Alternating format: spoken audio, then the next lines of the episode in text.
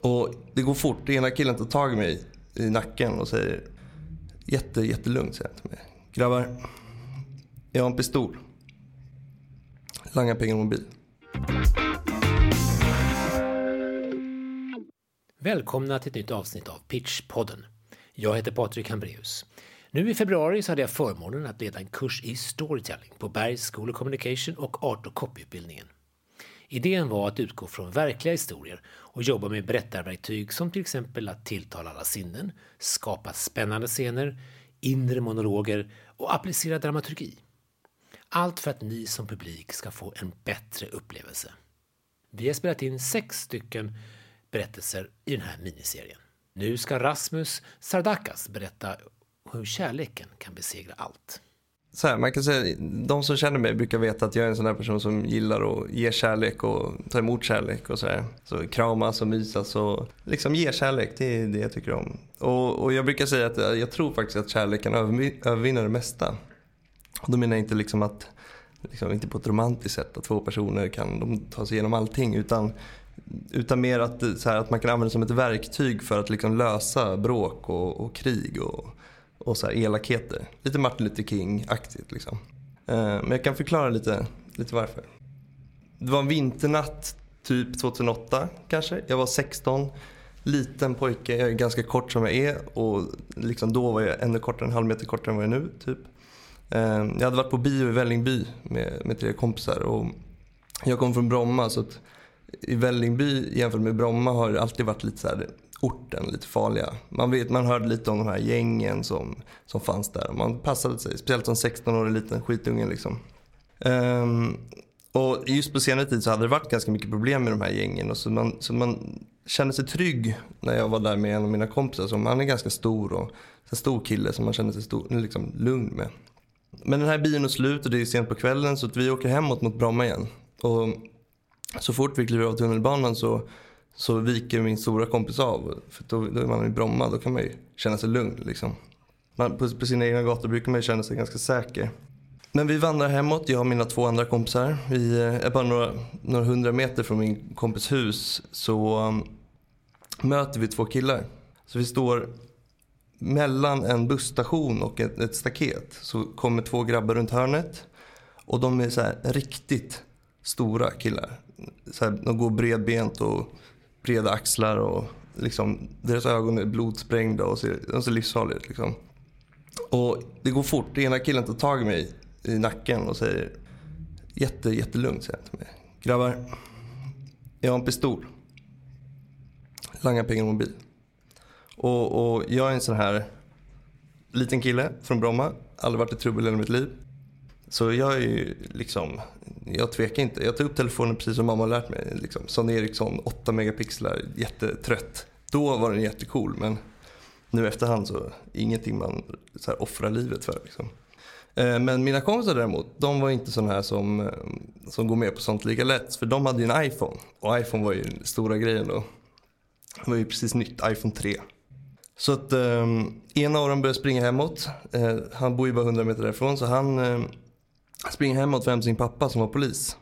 Och den andra hamnar i något typ av så här grepp, polisgrepp av den ena eh, den här psykopaten som stod här framför oss med pistolen och vägrade lämna ifrån sig sin telefon.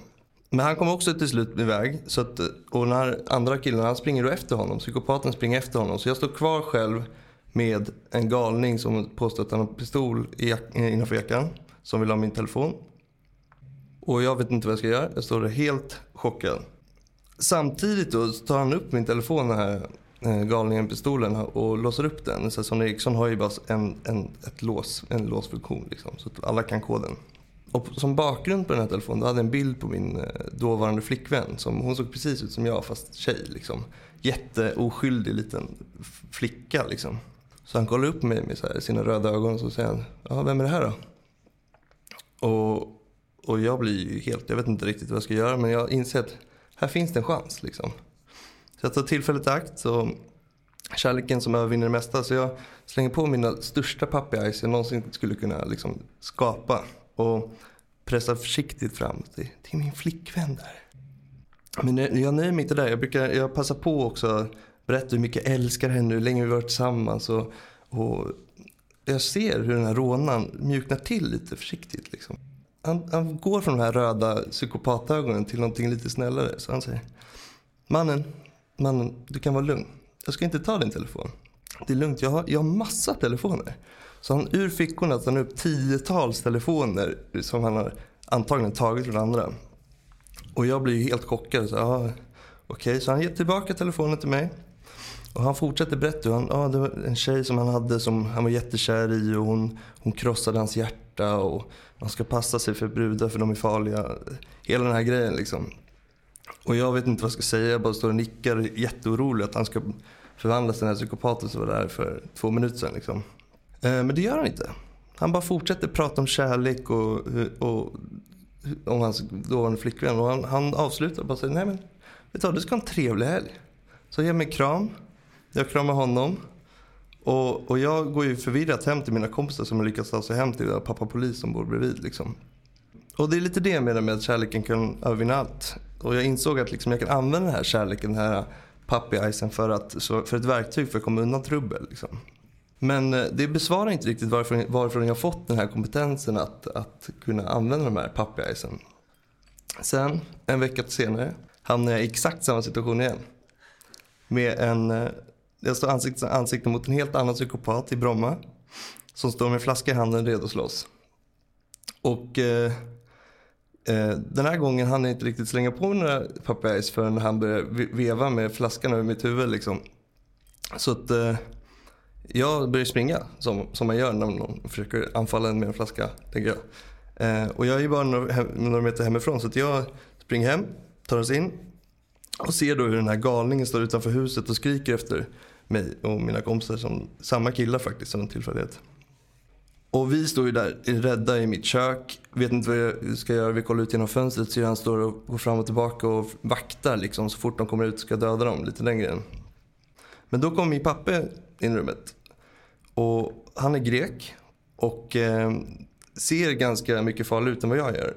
Han går lite bredbent och, och frågar så, vad har hänt för något? Liksom. Eh, och jag förklarar vad som har hänt. Han kollar ut genom fönstret lite försiktigt så här.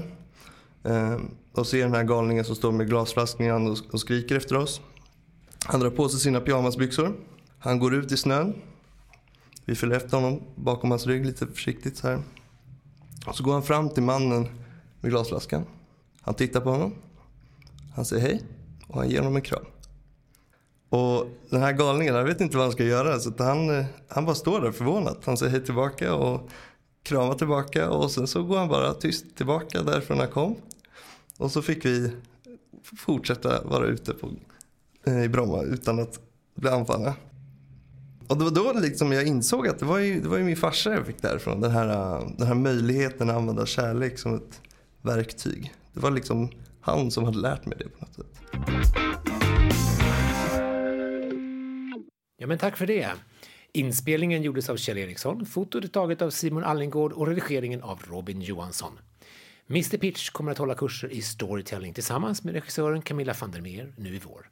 Vill du bli en bättre storyteller och berätta och utforska vad det handlar om så bli medlem i vår Facebookgrupp eller inboxa oss via Soundcloud.